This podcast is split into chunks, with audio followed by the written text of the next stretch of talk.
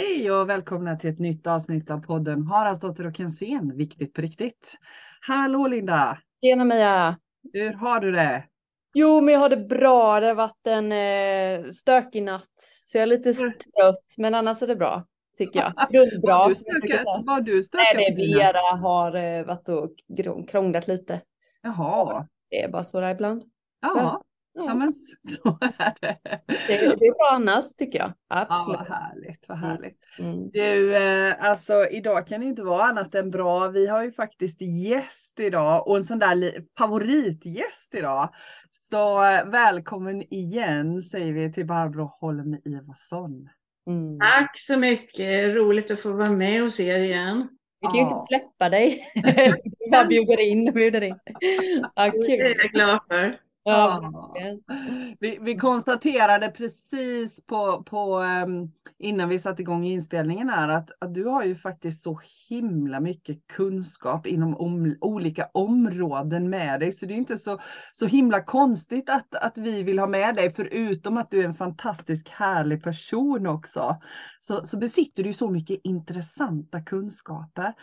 Eh, men innan vi börjar prata om det så vill jag höra, hur har du det hos dig Barbro? Åh, fantastiskt. Mm. Jag har varit ute i trädgården på morgonen och bara njutit. Mm. Ja, jag har känt att ja, men vi kan ha det överjordiskt fint och vackert här på jorden också. Mm. Inte bara efter döden, som vi ju pratar lite om. Nej, precis. Det är på morgonen. Ja, precis, precis. För ämnet för dagen är ju faktiskt, som vi sa innan, viktigt på riktigt. Vi, vi, vi ska prata om döden idag. Eh, och, och när jag tänker på ordet döden så tänker jag på livet.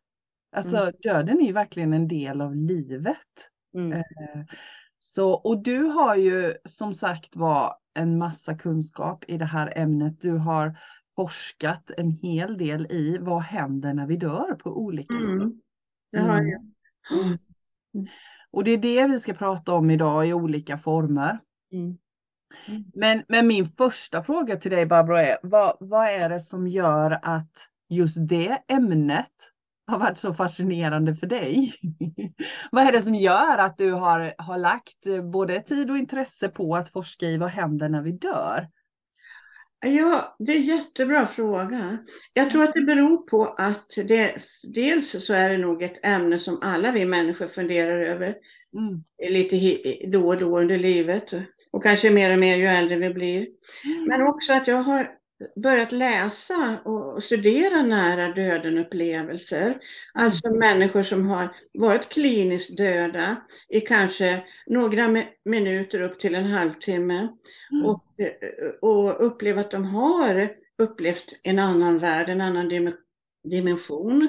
Mm. När jag har läst och tagit del, lyssnat, det finns ju många, många sådana på Youtube också, Mm. och jag har massor med böcker här och tagit del av forskningen, så har jag blivit helt fångad av det. Mm. Så fantastiskt och underbart det de berättar. Mm. Mm. Precis. Och, och jag tänker när du säger att det är fantastiskt och underbart det de berättar. Mm. Va, va, vad är det de berättar? Det, det börjar ju med att de befinner sig i en livsfarlig situation. Det Mm. kan vara en, en bilolycka, det kan vara en brand, det kan vara en drunkning, det kan Mm. vara en eh, operation, en hjärtinfarkt eller någonting. Mm. Sen, då, då upplever de att de svävar upp till taket och tittar på, de tittar ner på sin egen kropp. Mm. Och de hör och ser vad de människorna som, som är där säger och tänker också. Och då, då förstår många att det där, det där kan vara min kropp. Tänk om jag är död, jag kanske är död. Mm. Och de eh, försöker då kommunicera med de här människorna, men det går inte. Till exempel en som, som berättade att hon svävade ut till sin mamma som satt och grät i ett rum bredvid och, och försökte tala om. Ja men jag lever, jag mår jättebra, vad är du ledsen för? Vad är du Mm. ledsen för? Mm. Men mamman hörde henne naturligtvis inte och såg henne inte. Mm. Och sen eh, många, eh, sen svävar de ju vidare. Och eh, färdas ofta beskrivs det att det är genom en tunnel mot ett stort ljus där de då möts av en guide av något slag, en sorts guide som för dem vidare uppåt, ofta till ljus till, till, och till musik. Där de Mm. möts av döda släktingar som kommer emot dem och hälsar dem välkomna hem. Och de känner hur kärleken bara väller emot dem. Och de aldrig känt sig så levande, så lyckliga, så kärleksfulla själva som, som de gör i den stunden. Och då förstår de helt plötsligt vilka de är. Mm. Jag, är inte, jag var inte min kropp. Det här är det som verkligen är jag. Jag är en själ. En själ som alltid har funnits och alltid kommer att finnas. Och alla de här människorna är också själar. Och det kan vara människor de har känt på jorden, men det kan också vara andra själar som de upplever att de alltid har känt från livets början och alltid kommer att känna. Och när de ser tillbaka, tänker tillbaka på livet på jorden, då verkar det som det bara var en dröm eller slags teater.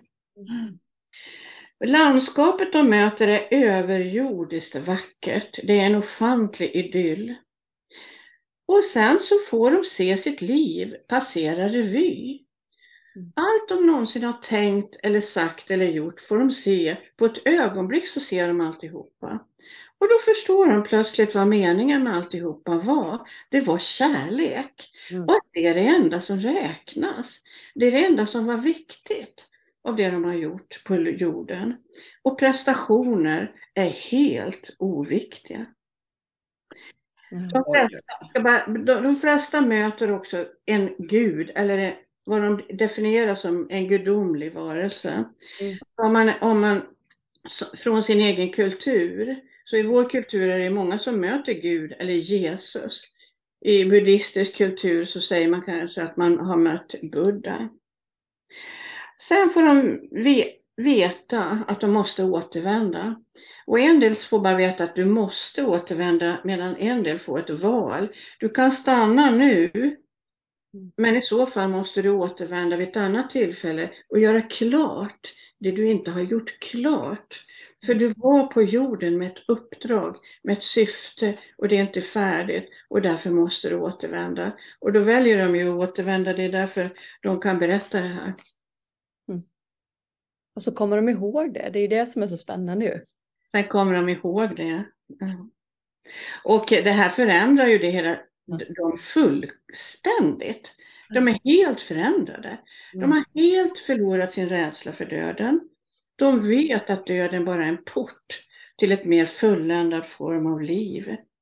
De förstår meningen med livet och att det är att ge och ta emot kärlek. Och därför förändrar de flesta sitt liv också och, och är, gör, gör mer av det. Många byter ju yrke till exempel. Mm. En kille som var medlem av maffian innan, han flyttade in i ett enkelt hyresrum och började hjälpa eh, behövande kvinnor och barn. Mm. Hans flickvän gjorde slut. Mm. Hon, hon tyckte han skulle fortsätta vara intresserad av dyra smycken och, och snabba bilar. Sen vet de att Gud finns. Och de vet vad deras identitet är. Att de inte är sin kropp utan de är en själ. Mm. Wow. Men Mm. du, jag tänker när du, alltså för det här är ju ganska överväldigande att, att höra din beskrivning. Jag tänker om man, om man aldrig har funderat i de här banorna förut, någonsin, man har inte varit i kontakt med detta och så hör man dig beskriva meningen med livet är bara kärlek. What? Här springer jag och, och lever i livet och i ekorrhjulet och allt det praktiska och, och det har egentligen ingen som helst betydelse utan det viktigaste är kärlek. Och jag tycker den, den, den landar in så fint när du beskriver den. Eh, men, men så tänker jag i samma stund på alla som pratar om att vi är här för att lära oss olika saker. Vad va, va, vad är din erfarenhet av det du har forskat i? Just det där att vi är här på jorden olika gånger för att, att lära oss olika saker och gå igenom olika saker. Vad tänker du om det? Precis, och de flesta har ju också med sig en kunskap om att vi föds många gånger för Mm. att vi ska lära oss saker successivt. Mm. Så att uppdrag, varje gång har vi ett uppdrag. Mm. Det, det får de veta. Det här är kunskap de får med sig. Mm. Att en inkarnation planeras noga. Så Mm. att man planerar vilken kultur man ska födas i, vilken Mm. familj man ska födas i, vilka föräldrar man ska ha. För att man planerar vad man ska lära sig i den inkarnationen. Så varje inkarnation har ett syfte. Men det går alltid ut på att växa i kärlek. Det är det övergripande syftet med alltihop. Mm. Och det tror jag är en kunskap som alla människor har. har. Djupast där inne så vet man det. Mm. De flesta människor försöker faktiskt vara kärleksfulla. Mm. Men jag tror också att livet har olika faser.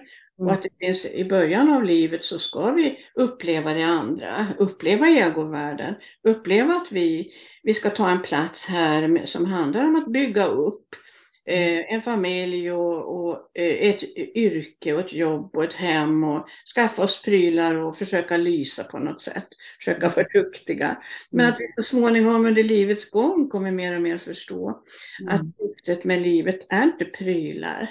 Det är inte att vara vacker eller, eller skaffa sig eh, makt. Mm. Utan det är att, och, och man blir mer och mer tillfredsställd när man, när man ger och att man upplever det. Mm. Att det, det är underbarare att ge än att få. Men att det där kommer med åldern. Får jag fråga en sak också om, jag tänker att det finns säkert folk som är väldigt rädda för att dö, för att man tror att man då ska hamna i något helvete, som man har fått höra Mm. historiskt också. Men det Mm. är ingenting du har forskat på, att man hamnar alltid i ljus och kärlek. Nej, det finns Ja. berättelser Mm. Eh, där, nära döden berättelser där människor upplever att, att de har hamnat i någon slags helvetesliknande situation. Mm. Och där, en, en man som har forskat väldigt mycket om just det, eh, han säger att det är som en vandring i dödens dal tills du ropar på hjälp. Så när man ber om hjälp får man alltid hjälp. Och Mm. alla de här har fått hjälp. Så ingen har blivit övergiven eller lämnad. Och, och, och även de som är ateister, de får en, en ingivelse ofta att de ska ropa på hjälp. Från När man är i det stadiet då, tänker du, när man är död, så är man, är man också medveten ju. Ja, de är ju medvetna. Det är därför de kan komma tillbaka och berätta det här, för att de har varit medvetna. med. Mm. Så att eh, när de har varit i den här belägenheten att det har känts förskräckligt, så Mm. har de ropat på hjälp och då Mm. har de fått hjälp. Så det har de med sig, man får hjälp. Mm. Och sen har de också förstått när de kommer tillbaka att det här var en, ett budskap om att de behövde ändra livsinriktning. Mm. Så, det- så du tänker att det är därför de hamnar där i det som, som vi pratar om nu. Det är för att man har levt sitt liv på ett sådant sätt så att man verkligen behöver ett, ett jag vet inte vilket ord jag ska använda, uppvaknande, att, att vända på steken och ta en annan väg. Är det så du tänker? Ja, Mm. men, Mm. men alla de här människorna som har upplevt sådana här saker, det är ju av ett syfte som de har upplevt det också. Alltså Mm. själva upplevelsen verkar ha, ju ha ett syfte. Mm. Och det syftet är att de behöver det för sitt uppdrag här. De ska komma tillbaka och berätta om det här och de ska också ge sitt liv en ny inriktning med mer kärlek, att bli mer kärleksfulla. Mm. Om, om jag vill bara backa med lite det här med, vi pratade om att eh, man har en uppgift. Jo. Och det där har jag också, man hör ibland eh, människor som säger så här, men vad är min uppgift? Och så tror man, man säger jag generellt så kan jag höra att man tror att man ska lyckas med jobbet eller man ska liksom lyckas med någonting. Kan ni känna igen det? Att det blir alltid något strävan efter någonting annat, att jobbet blir som att det är det jag ska lyckas med i livet ju. Jag tror ju personligen att det är en känsla, en upplevelse allting handlar om. Att man behöver öva på någon upplevelse i sig själv. Håller ni med er eller tänker ni annat? Men det tänker jag också att det är en upplevelse av kärlek. Och den Upplevelsen får du när du ger kärlek. Men man, vi behöver också lära oss att ta emot kärlek förstås. Mm. Så därför är det relationer som är viktiga. Det är Mm. bara relationer som har betydelse. Mm. Mm. Och, och jag tänker också att just nu och ett tag tillbaka så jag vet att Linda, du och jag har pratat mycket om det att vi att vi möter många människor och jag tänker du kan säkert också känna igen det Barbro, att vi kan oavsett vad vi väljer att kalla den här tiden som är nu, så är det precis som att jag tycker att saker och ting skruvas upp. Nu, nu visar jag, det ser inte ni som lyssnar, men jag, gör, jag skruvar här nu. Det är precis som att det skruvas upp tempot och vi blir mer och mer tvingade till att komma ihåg den här känslan i oss själva, fler och fler. För jag upplever att de som inte ehm, som håller emot, som, som liksom vill vara kvar i det här gamla med prestationen och jobb och, och, och yta och det. Det blir svårare och svårare för vi motarbetar oss själva för kärleken är grundkänslan i oss. Och fler och fler upptäcker det. Men så finns det också några stycken som verkligen sätter ner hälarna och nej, jag ska vara kvar i det gamla. Och för dem blir det superbesvärligt. Jag vet Mm. inte vad ni säger om det. Den reflektionen. Mm. För det tycker jag att jag möter mycket nu. Och, Mm. och när mm, och, och sen kommer de ju naturligtvis för, till mig då, för att jag har den grundinställningen som jag har och då har det universella Gud, det gudomliga, sett till att våra vägar korsas, eller era vägar, så att vi kan berätta att det finns ett annat sätt att tänka. Så det blir så tydligt, för jag tycker att det kommer fler och fler i min väg, både privat och som kunder. Mm. Där, där vi får möjlighet att samtala om det här. Vad är det som är viktigt på riktigt? Mm, mm.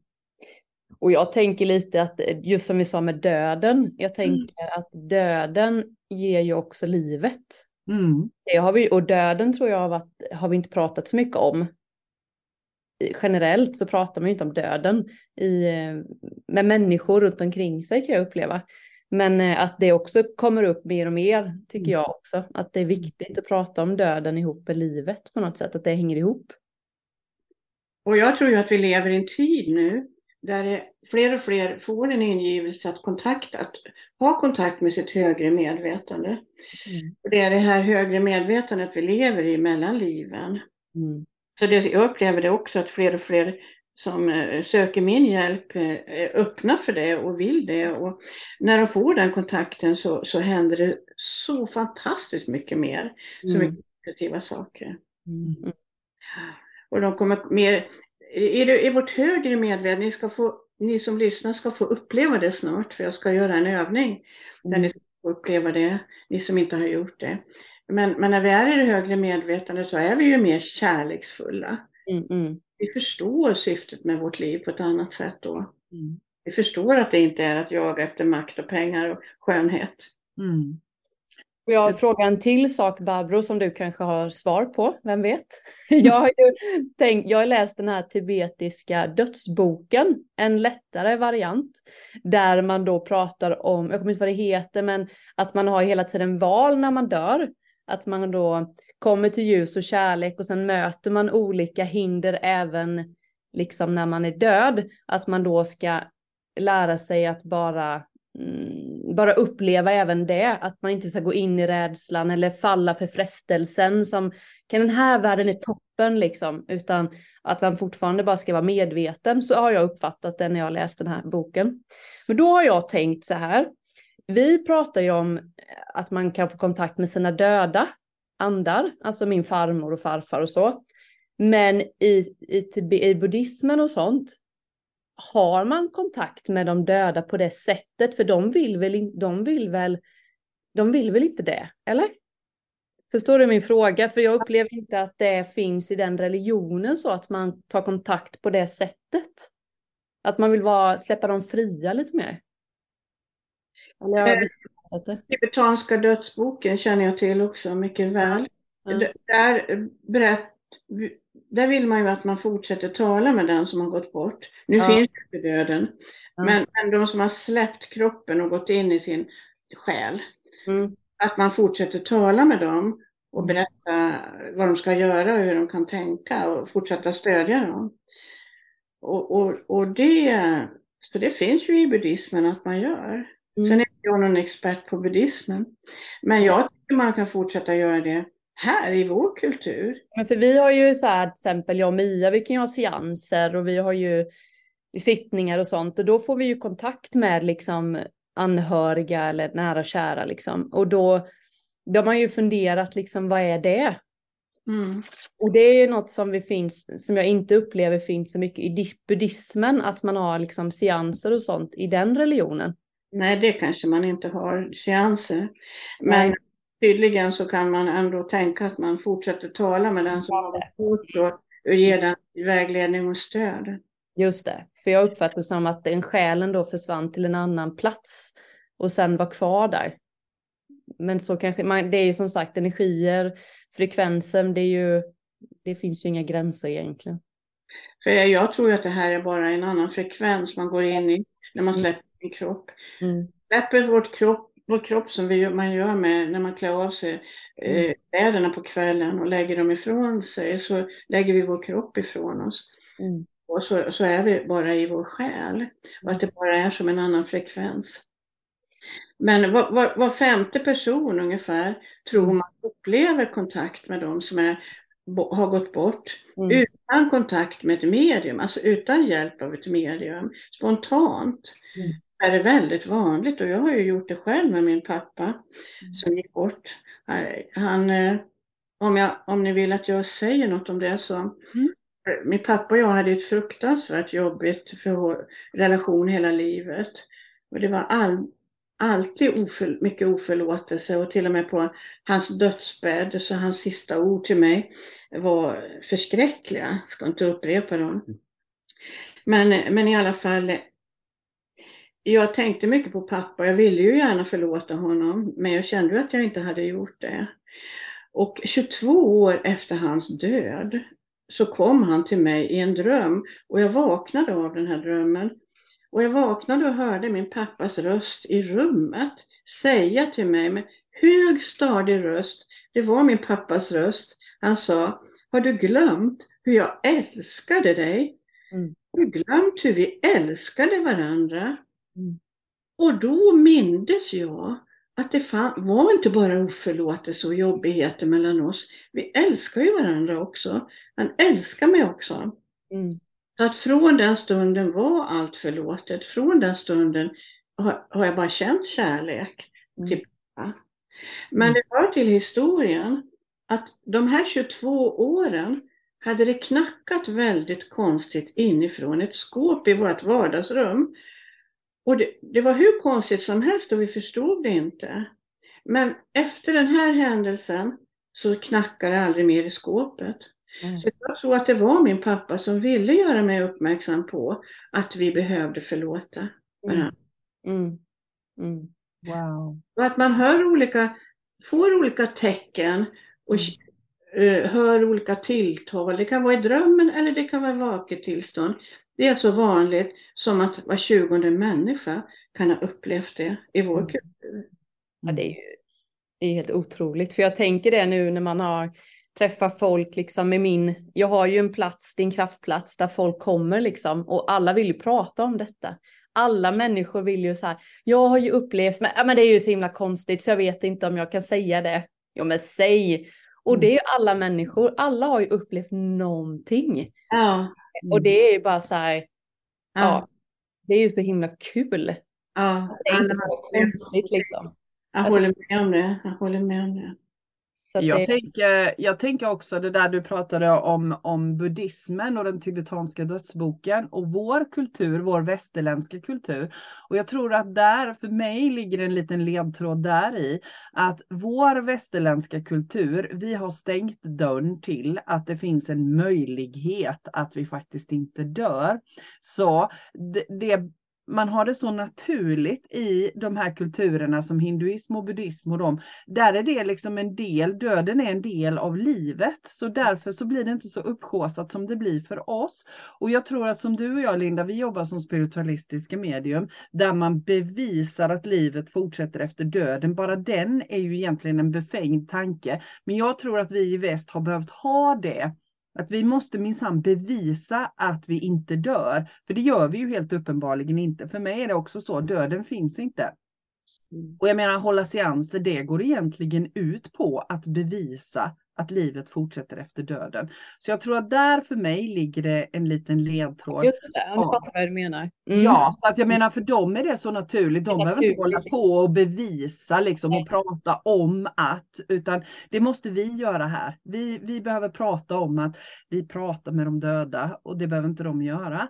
Och jag tänker också det där med förändrat medvetandetillstånd. Jag träffar ju mina anhöriga på nätterna. Jag har ju ett väldigt aktivt nattliv kan man ju säga. Eh, jag lämnar min kropp avigt och rätt. Jag vet vi har pratat om det i, i, i ett annat poddavsnitt. Och då träffar jag ju ofta mina anhöriga. Här om natten träffade jag min extra pappa, hade ett sånt fantastiskt kärleksfullt möte med honom. Eh, jag gör det när jag är i vaket tillstånd också, men jag tänker att det är många som pratar om det där, att när man drömmer, då var det precis som att jag träffade. Och det handlar ju om att vi förändrar medvetandetillstånd och är mer mottagliga. Så jag, jag vill bara skicka med dig i detta också. Mm. Så forskning visar att hälften av de här upplevelserna är i drömmen och hälften i Mm. tillstånd. Och att det är vanligare med människor, mellan människor med blodsband Mm. och att det är vanligast inom ett dygn efter personen gick bort. Precis. Är det vanligast? Ett dygn? Ja, enligt forskningen. Mm. Mm. Men sen finns det också forskning som visar att 70-80 procent av västvärldens människor tror på någon slags fortsättning på livet efter döden. Mm. Så att jag tror inte vi har lyckats utrota det i vår kultur.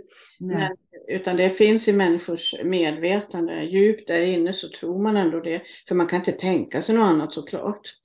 Nej, men och som du sa förut, egentligen vet vi ju. Någonstans i kärnan av, av vårt medvetande så vet vi ju det här. Det är bara det att vi är experter på att förklara bort det. Ja, Mm. ja för det är ju helt orimligt Mm. att man, att, att man tänker att här går man och försöker vara snäll och fin och, och kärleksfull ett helt liv. Mm. Och sen ska man bara bli uppäten av maskar som också ska bli uppätna av maskar. Ska, det vara belöningen liksom? Det är inte alls på det viset. Tjo! Det är bara kroppen som försvinner där i jorden. Mm. Men du, när vi pratar om det så måste jag bara, bara få fråga dig Barbro, för jag får ofta den frågan när, när folk vill prata om döden. Men du Mia, hur, hur kommer det sig nu då att eh, alltså, populationen ökar? Hur kommer det sig då? Eh, hur kan du förklara då att vi lever många gånger om vi blir fler och fler? Så, vad, vad tänker du om den frågan? Får du... Nej, men det är bara en själ. Mm, Vi är bara en enda stor själ. Det är ju en annan av de kunskaper som de får, får veta där eh, i en nära döden upplevelse, att vi är alla ett. Ja. Och, och, och då kan vi gå ner här, eh, välja att ta en kropp och uppleva saker vid olika, i olika inkarnationer, men alla gör ju inte det samtidigt. Mm. Mm. Precis, så brukar jag också förklara det, så det, jag ville bara höra dina tankar kring det. Men du Barbro, en helt annan sak då. Tänker du att, vad, vad tänker du, nu, nu är det ett litet sidospår jag vet, men tänker du att saker och ting händer samtidigt? Eller tänker du att vi har det här med tidigare liv? Eh, För, för det börjar ju pratas lite om att allt händer samtidigt. Eller vad, vad tänker du kring det? Gör det det eller tänker du att det händer i ordning och reda och i tid? Nej, alltså man, man kliver ju rakt ut ur tiden och Mm. rummet. Mm. och är i en helt annan dimension där tiden inte finns. Så Mm. jag tänker också att allt händer samtidigt. Det är bara som olika skikt eller olika... Mm. Att, att du, är ett, du är som ett stort bibliotek. Mm. Akasiska biblioteket är ju som en sym, symbol eh, för det som man, man, man talar om. Många medier har talat om till exempel.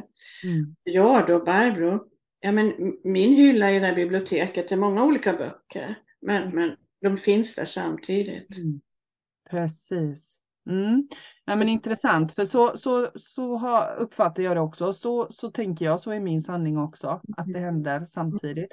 Men du, för de som absolut inte har, en, har aldrig hört ordet Akasiska biblioteket förut, vill du säga några ord om det? Ja, jag kan bara säga kort eh, att eh, det är någonting som många medier har berättat om och en del som har upplevt eh, nära döden-upplevelser också.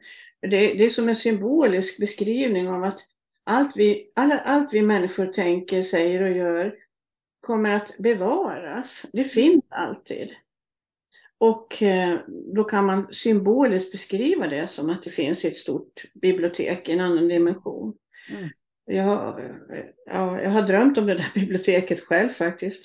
Mm. Att jag arbetade där och att jag eh, hade, jag såg en stor bok som var min inkarnation i det här livet, en stor tjock bok. Mm. Men, men det här är ju bara en symbolisk beskrivning mm. som mm. allting är. Mm. Mm. Om vi är medvetna så är allting symboler, eller hur? Jag har ju sagt det innan i den här podden, men filmen Själen som Disney har gjort är ju toppen. Aha. Det är en barnfilm och de ja. beskriver ju precis det här vi pratar om i tecknat eh, med själen och hur den kommer ner i kroppar och de har olika syften och ja. Den är jättebra, jag brukar rekommendera den faktiskt till vissa kunder och de, eh, ja nu fattar jag, precis så här tänker jag också. Så den filmen är jättebra.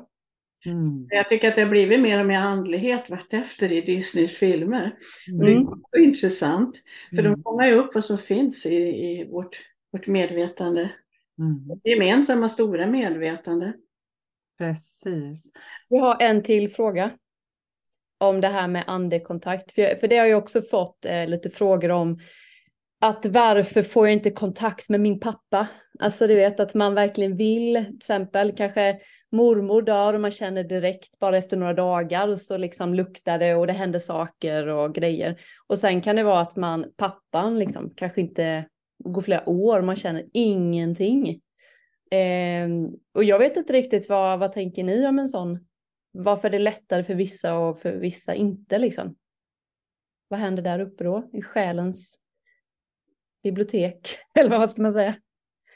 Vad jag kan tänka att, att vi har vi är olika öppna för det här. En del är helt slutna, upplever det aldrig. Tror man inte på det så upplever man det kanske inte heller.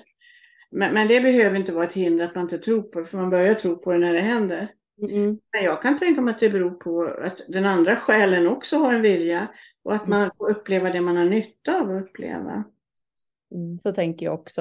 Mm. Det finns ett syfte liksom med, för, ja. för jag har ju själv upplevt liksom farmor, min farfar väldigt tydligt och så rätt snabbt. Men däremot morfar har ju inte gjort någon tillstymmelse taget. Det var ju då med dig Mia lite där på mm. seansen. Mm. Men annars har ju inte varit någonting ju. Samtidigt så kan jag ju känna att jag har mer relation med farmor och farfar. Ju. Om det kan påverka. Jag vet inte. Men om allting redan är klart så behövs det kanske inte heller. Nej. Kan man behöver inte ha någon kontakt. Mm. För det är man har sett många kunder. Jag det är också min mormor mm. som var den mest kärleksfulla i mitt liv. Mm. Och vi har inte haft någon kontakt. Nej. Medan pappa då som hade så förskräckligt jobbigt med hade haft hade kontakt i 22 år.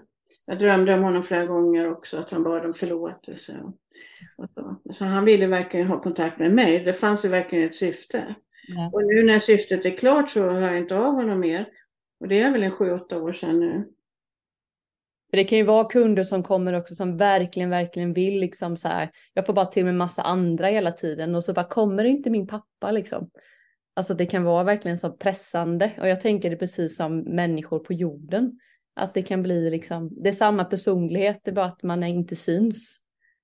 Så tänker jag också, att det kan vara där man behöver. Men tänker inte du, tänker inte du också Linda att, att det där ligger ju, om jag liksom har så här jättestark önskan, åh jag vill träffa min mamma, hon kommer väldigt sällan min mamma, mm. att det är mitt alltså ego, att inte ja. det är själen, det är inte, det är inte den själsliga, för den själsliga kontakten det sköter sig självt utan att min hjärna behöver gå in och, och greja med det. Men min hjärna vill gärna träffa min mamma, men det är inte hon som, som det själsliga syftet är att jag ska träffa. Det var bra beskrivet. Mm, så kan det vara. Mm, mm. Så, så, tänker jag. Så brukar jag förklara det när mina kunder undrar precis det. Kommer inte min pappa? och, och, ibland händer det ju faktiskt att de som vi har en stark önskan om ska komma faktiskt kommer. Eh, och då är det ju meningen tänker jag. Då finns det ett högre syfte och vi människor i vår människokropp fattar ju inte alltid det högre syftet, men vår själ gör det. Mm. Så tänker jag. Men i alla fall så tror jag att man kan säga, man kan säga till en Mm. död, en död sjä- själ, jag skulle gärna vilja ha kontakt med dig. Ja, Snälla du, ge mig ett tecken ja. att du lever. Ge mig ett Mm. tecken. Mm. Och då får man det ofta, om man är öppen för det. Mm. Precis, det, det tänker jag också. Det gäller ju, sen, gäller ju, sen är det ju nästa lilla detalj då, att ha tillit till det som kommer. Och den är ju, jätte, den är ju knepig i sig, tänker jag. Mm. Men jag tror ju att den här döden, den som vi kallar för död, Mm. Eh, vet vad det är för tecken den ska Ja. ge, så att Ja. den här efterlevande förstår. Ja, precis, Mm. precis. Mm. Men du Barbro, jag tänker, vi pratade förut om, om, eh, om Disney, om, om att det är för barnens skull att det börjar ändra på sig. Men du har ju också forskat i det här med barn som, som pratar om eh, tidigare liv och det här tycker jag är så intressant. Vill du säga någonting om, om det? Mm.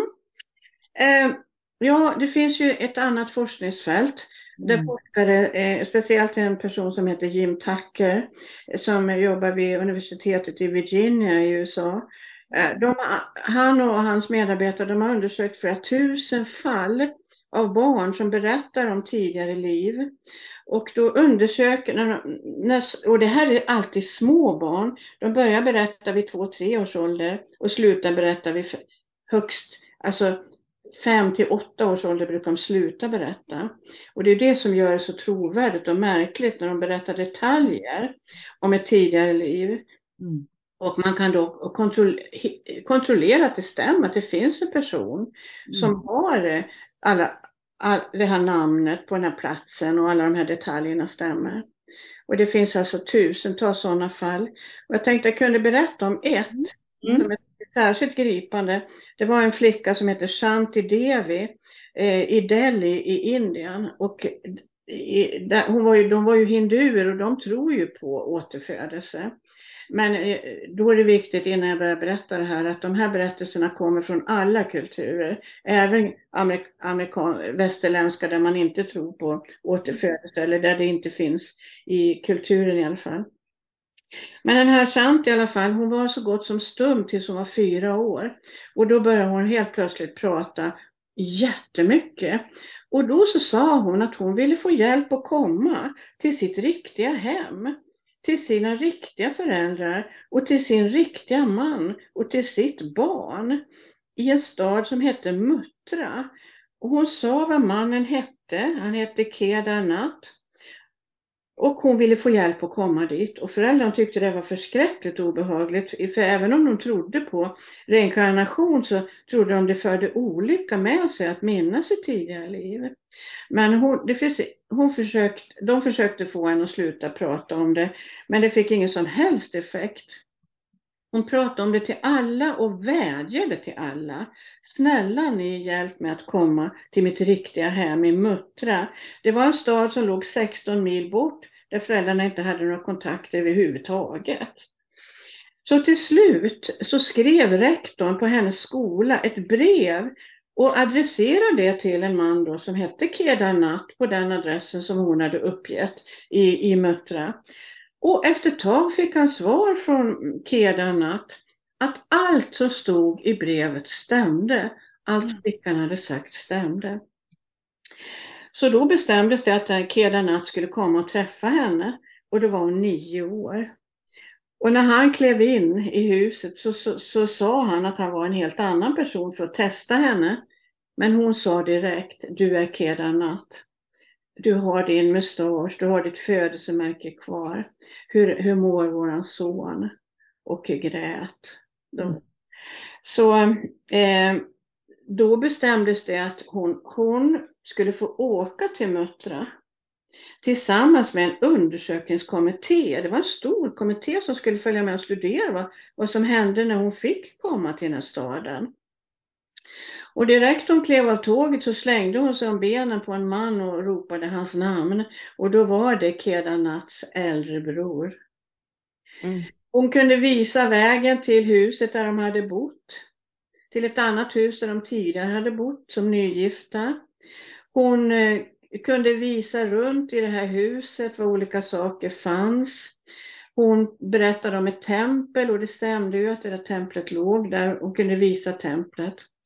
Hon, hon visade hela undersökningskommittén till sina föräldrar, sina riktiga föräldrar. Och eh, i den trädgården hade de en stor fest. Så det var massor med folk i trädgården. Men hon sprang rakt fram till sina riktiga föräldrar och sa deras namn och också namnet på en moster. Och hon berättade detaljer för dem också som gjorde att de förstod att det måste vara hon. Bland annat att modern hade gett henne ett särskilt löfte på dödsbädden. Så att hon, de förstod att det här är äkta och hon fick välja om hon ville stanna hos sina riktiga föräldrar eller följa med hem och hon följde med hem då. Men den här flickan hon levde hela livet, eh, hon är död nu men hon blev över 60 år. Hon levde hela livet utan att bilda familj för hon ansåg att, ansåg att hon var gift med den här Kedanat. Och han hade ju gift om sig i, i strid med ett löfte som han hade gett henne på dödsbädden att aldrig gifta om sig. Så han, eh, han sa, han, när man intervjuade honom så sa han att han beklagade det djupt att han hade brutit sitt löfte och bett henne om förlåtelse. Men hon, levde ett lyckligt liv, hon blev väldigt berömd i Indien. Och, eh, eh, men hon levde ett enkelt, lyckligt liv och hon sa, det här är jag. Både den här Lugdi är jag och nu sant är jag. Vi är bara olika utvecklingsformer av samma själ. Mm. Wow. Ja, wow. Mm. Och, och jag tänker, det här är ju inte det här är ju inte den enda sån historia. Det finns ju många som du säger. Mm. Och många av de här barnen som berättar, de kan ha, ofta berättar de om sin, eh, sin riktiga familj. De kan berätta om, om någon plats. Men de kan ofta berätta om sin död, för den har ofta Mm. varit våldsam. Mm. Och det var det för den här flickan också. Hon hade ju dött i barnsäng när hon födde sin son. Mm. Så det är vanligt. Så- Och då, då är det vanligt att de har födelsemärken eh, eh, som, som visar det. Som en, en pojke till exempel berättade att han hade dött genom att skjuta sig. När han hade blivit tillfångatagen så valde han att skjuta sig istället för att vara fången då. Så, och då hade han ett födelsemärke under hakan och ett motsvarande födelsemärke uppe på huvudet. Där Mm. kulan liksom då hade gått in och ut. Mm. Och det är vanligt. Mm. Att de har födelsemärken som stämmer med deras berättelse alltså. Mm. Ja, det är så fascinerande. Jag berättar mer i min bok. Jag har ju Mm. skrivit en bok där bland annat berättar om det här. Mm. Precis. Man hör, är det mycket nya sådana historier som dyker upp, du som är, läser på? Alltså det kommer upp mer och mer. Gör det det? Ja, det gör det. Ja, eh, det gör, det gör det. Förstår jag. Mm. Och det gör det ju med nära döden-upplevelserna också. Ja. Fler berättar. För det, det mottas nu. Tidigare har ju människor inte vågat berätta sånt här. För att de har varit rädda för att bli förlöjligade. Men nu när, eh, finns det en helt annan jordmån för att berätta. Så fler och fler berättar och fler och fler verkar ha den här sortens upplevelser. Och det tror man beror på att, att eh, vet, numera så räddar ju sjukvården så många fler som är i livshotande tillstånd. Mm. Och sen skulle jag gärna vilja lägga till en sak som jag har pratat om än. Och det är att hur kan man veta att det här är sant med de här Mm. ödenupplevelserna? Precis. Finns det någon typ av bevis? Mm. För att de som inte tror på det, de, de menar ju på att det här är bara den döende hjärnans trick. Som en sista elektrisk spasm eller någon slags önsketänkande. Men då finns det två bevis. Det vik- första och viktigaste beviset det är att mm, väldigt många av de här, när de då har lämnat sin kropp och svävat upp i taket, så ser ju de vad som pågår och de hör vad som sägs. Och när de kommer tillbaka och berättar det, då kan det eh, vidimeras av andra. Mm.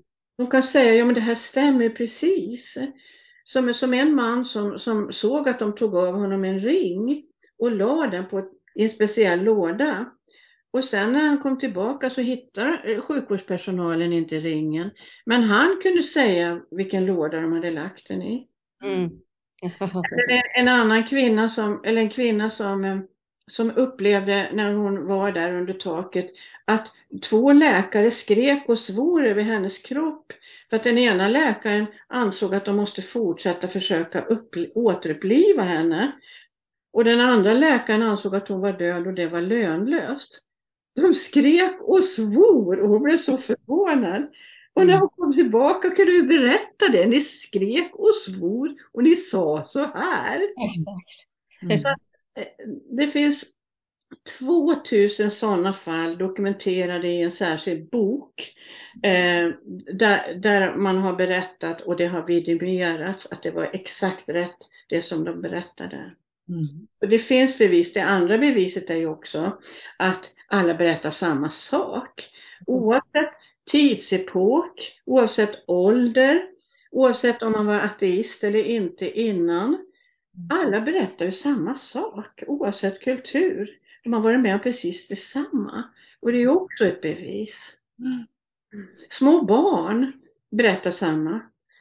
Så att om de har haft den här döden som barn så berättar de ju ofta om det som vuxna. Och då så, de berättar samma sak. Och de berättar också att i nära döden-upplevelsen var de vuxna. Mm. Så alla i de här nära döden-upplevelserna är omkring 30 år verkar det som. Mm. Så det kan vara själens ålder. Mm. Okej. Okay. Wow. Det är trösterikt om man har haft ett litet barn som har dött. Mm. Att de har blivit omhändertagna. En liten flicka berättar en, en snäll tant, dam kom och hämtade mig för hon visste att jag var rädd. Vi gick tillsammans och vi gick till himlen. Mm. Wow. De flesta kallar ju det här för himlen. Mm. För att det är deras riktiga hem. Mm. Men tänker du också då att den här flickan då som fick räkna, vet det, kom tillbaka så snabbt hon i Indien? Ja, efter, hon kom tillbaka efter nio år ja. Jaha, nio år ja. ja, just det. Då var hon ju... För jag tänker det är någonting också då man bestämmer liksom med sin, sin själ att nu är det dags att komma ner igen. För ja. det kan du så här forska, alltså finns det någon... Du kommer säkert säga att det inte finns det, men jag kommer ändå fråga, finns det någon tid som man behöver liksom... Man kan komma ner direkt, för det finns ju också de historierna, tänker jag. Mm. Att en mormor... det verkar ju vara väldigt olika. Men att man får, man får tydligen hjälp att bestämma, hjälp av andra visa själar. Att ja. bestämma när det är dags att, gå ner igen. Ja. Varför man ska göra det, vad själen ska lära sig och lära andra också. Mm. Och, och, och, vilken kultur man ska gå ner i, vilka föräldrar man ska ha och syskon och sådär kanske också. I alla mm. fall föräldrar bestämmer man ju. Mm. För att det här är den mamman, det här är den pappan, hur konstigt det ibland den kan verka så är det här den mamman och pappan som kommer ge dig de förutsättningar du behöver för att lära dig det du ska i den här inkarnationen. Men jag tror att det kan vara väldigt olika hur fort man kommer tillbaka. Mm.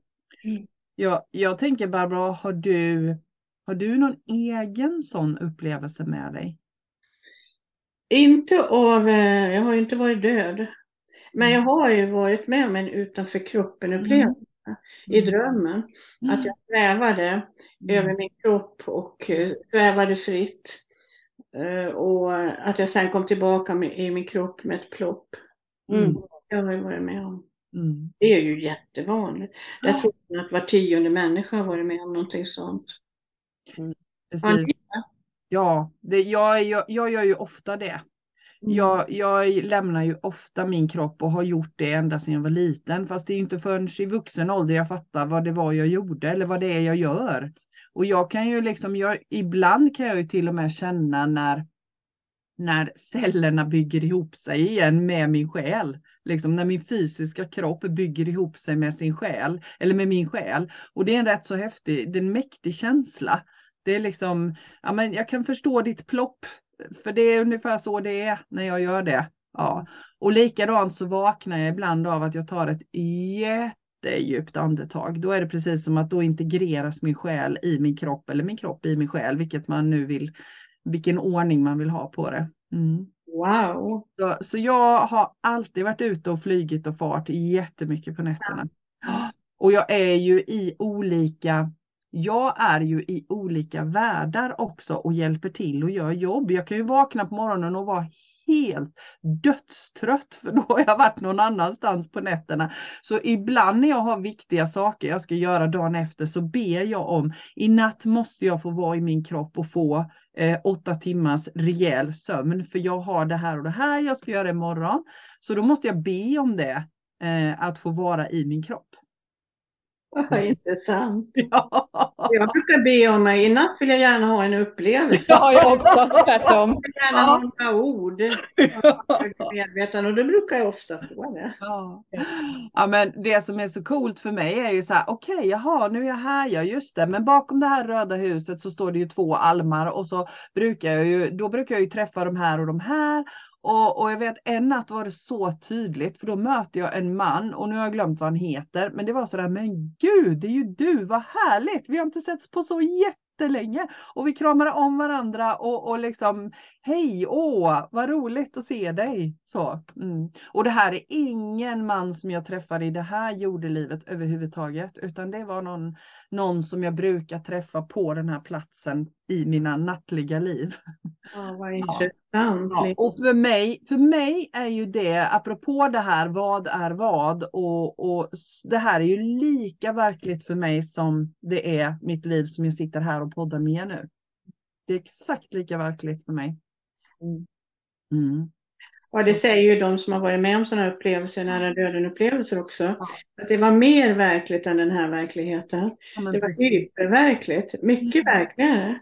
Mm. Här jordelivet är bara som en blek dröm då, en blek teater. Mm. Som man släcker ner teatern och går hem. Ja, men precis. Ska vi göra en kort övning så de får prova? Ja, ja det vill vi gärna göra Barbro. Mm. Okej. Okay. Um, slut ögonen. Eller du kan titta på rummet du sitter i. Och sen sluter du ögonen. Låtsas att du kan få saker och ting att försvinna genom att bara vifta lite med handen som med ett trollspö. Du viftar och fåtöljen försvinner i tomma intet. Sen viftar du bort bordet, du viftar bort lampan, mattan, hyllan och så vidare.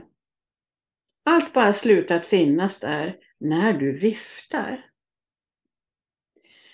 Nu fortsätter du att göra likadant med själva rummet. Vifta bort väggarna, taket och till slut så viftar du bort hela huset. Träden utanför huset, vifta bort dem bara och hela omgivningen. Nu står du i ett alldeles tomt utrymme. Till sist gör du likadant med din kropp. Vifta bort kroppen. Lägg märke till att du är kvar ändå som ett rent medvetande. Försök nu att göra dig av med dig själv det vill säga ditt medvetande. Det går förstås inte. Kan du tänka dig en tid när du, alltså ditt medvetande, inte fanns? Nej, det går inte. Kan du tänka dig en tid då du, ditt medvetande, inte kommer att finnas? Naturligtvis inte. Du ditt medvetande är oförstörbart, tidlöst och evigt. Du har alltid funnits och kommer alltid att finnas. Och nu, när du är i ditt rena medvetande, kan du fråga dig själv. Vad kan vara mitt syfte i den här inkarnationen. Varför föddes jag? Vad är min uppgift?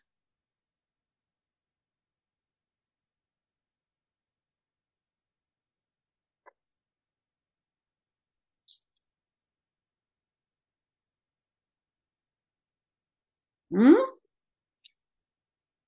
Då är du välkommen tillbaka.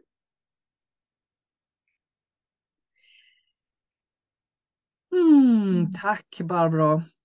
Det, det här är en mäktig övning. Den har jag gjort med mina, med mina kursdeltagare. Och de fick så fantastiska aha-upplevelser. Mm. Ja, jag tror att man får det när man gör det här. Mm. Ja, verkligen. Den här finns på min webbsida barbroivarsson.se. Mm. Ja, där finns det eh, ljudfiler i en flik. Och där, det här är den första av ljudfilerna. Så Mm. där är det lite mera djup den här övningen. Så där kan du gärna gå in och göra både den och flera andra liknande övningar för att uppleva ditt högre medvetande. Och, och här tänker jag när vi pratar om din hemsida så det är ju faktiskt så för er som, som lyssnar på den här podden och inte har hört de andra två avsnitten, för du har ju varit med oss i två tidigare avsnitt där vi har pratat mycket om din bok Teorin om det andra sinnet i första poddavsnittet du var med i och sen pratade vi om förlåtelse och förlåtelseprocess i det andra avsnittet. Så Gå gärna in och lyssna och jag tänker att vi lägger till i texten, eller hur Linda, på den här, det här poddavsnittet också kontaktuppgifter till dig om man vill komma i kontakt med dig efter att ha lyssnat på det här. Mm. Jätte, Mm. Ni är Mm. varmt välkomna att kontakta mig. Jag hjälper människor, det är det jag jobbar med nu. Mm. Även fast jag är legitimerad psykolog så kan jag ge psykologisk behandling, men jag kan också hjälpa människor att komma i kontakt med sitt högre medvetande. Mm. Precis. Ja, wow. Ja, det här är, det här är verkligen alla delarna som, som du har valt att jobba med tycker jag personligen är superviktiga. Och just det här med, med döden och, och livet, det är ju verkligen essensen av det hela tänker jag. Mm. Det är verkligen viktigt på riktigt. Mm. Ja, det är det. Det är det. Och jag tänker också att precis som du var inne på förut och du också Linda, just det där att ja, men det känns verkligen så tydligt att vi människor börjar bli redo att ta in en dimension till av det Ja. här med döden nu.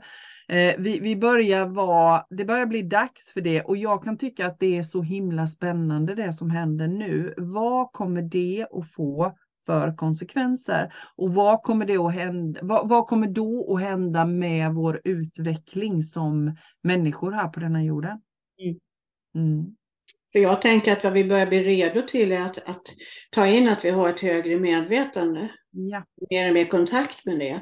Och det Mm. är i det högre medvetandet som vi, som vi är när vi är mellan liven. Mm. Precis. Precis. Jag tycker det var en fantastisk kid. Eh, Eben Alexander, det är en läkare som eh, varit med om en otroligt stark eh, nära döden upplevelse som han nu ägnar sitt liv åt att de åker omkring och berätta om. Mm. Och innan det så var han ju ateist och materiell. Mm. Han trodde bara, att det bara det materiella fanns. Men han fick till sig mycket kunskap och bland annat säger han så här. Det onda, det är bara som några sandkorn på en vidsträckt sandstrand jämfört med det goda i världen. Mm. Mm. Wow, Mm. den är mäktig. Mm. Mm. Och det är vad jag tror på också. Ja. Vi, får, matas bara med det negativa och det som har gått dåligt. Mm. Men, men det är inte bra för oss att lyssna på det. Nej, absolut inte. Ja, wow. Jag tänker så här, det börjar bli dags att, att, att knyta ihop säcken för den här gången. Finns det någonting mer som du känner Barbro att du vill skicka med eller vill säga eller eh, dela med dig av innan vi avslutar? Att alla kan få kontakt med sitt högre medvetande och att det behöver inte vara så svårt. Mm. Hur gör man? Jo, man, man, man drar sig tillbaka i tystnad och så gör man någon av de sakerna som, som kan göra att vi, vi kommer in i ett annat sinnestillstånd än vi är i vardagsjaget. Som till exempel eh, mindfulness, andningsövningar, bara, bara att andas medvetet.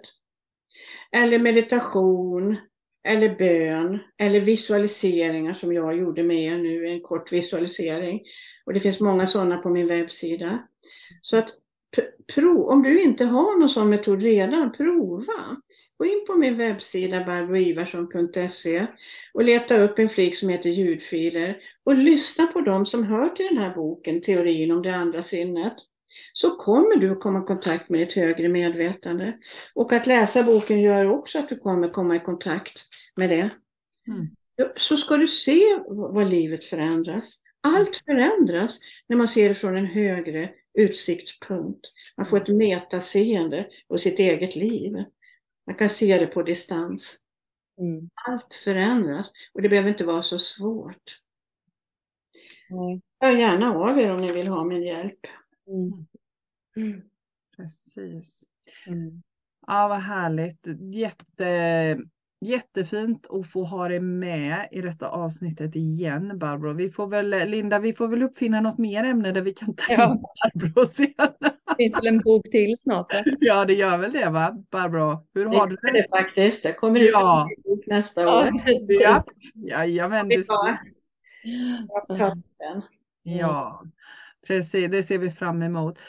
Tusen tack för idag Barbro, tack Linda och tack till alla som lyssnade och som vanligt hör gärna av er tankar, frågor, funderingar och vi lägger ut Barbros kontaktuppgifter så kontakta gärna henne om ni har några tankar och frågor och funderingar till henne direkt.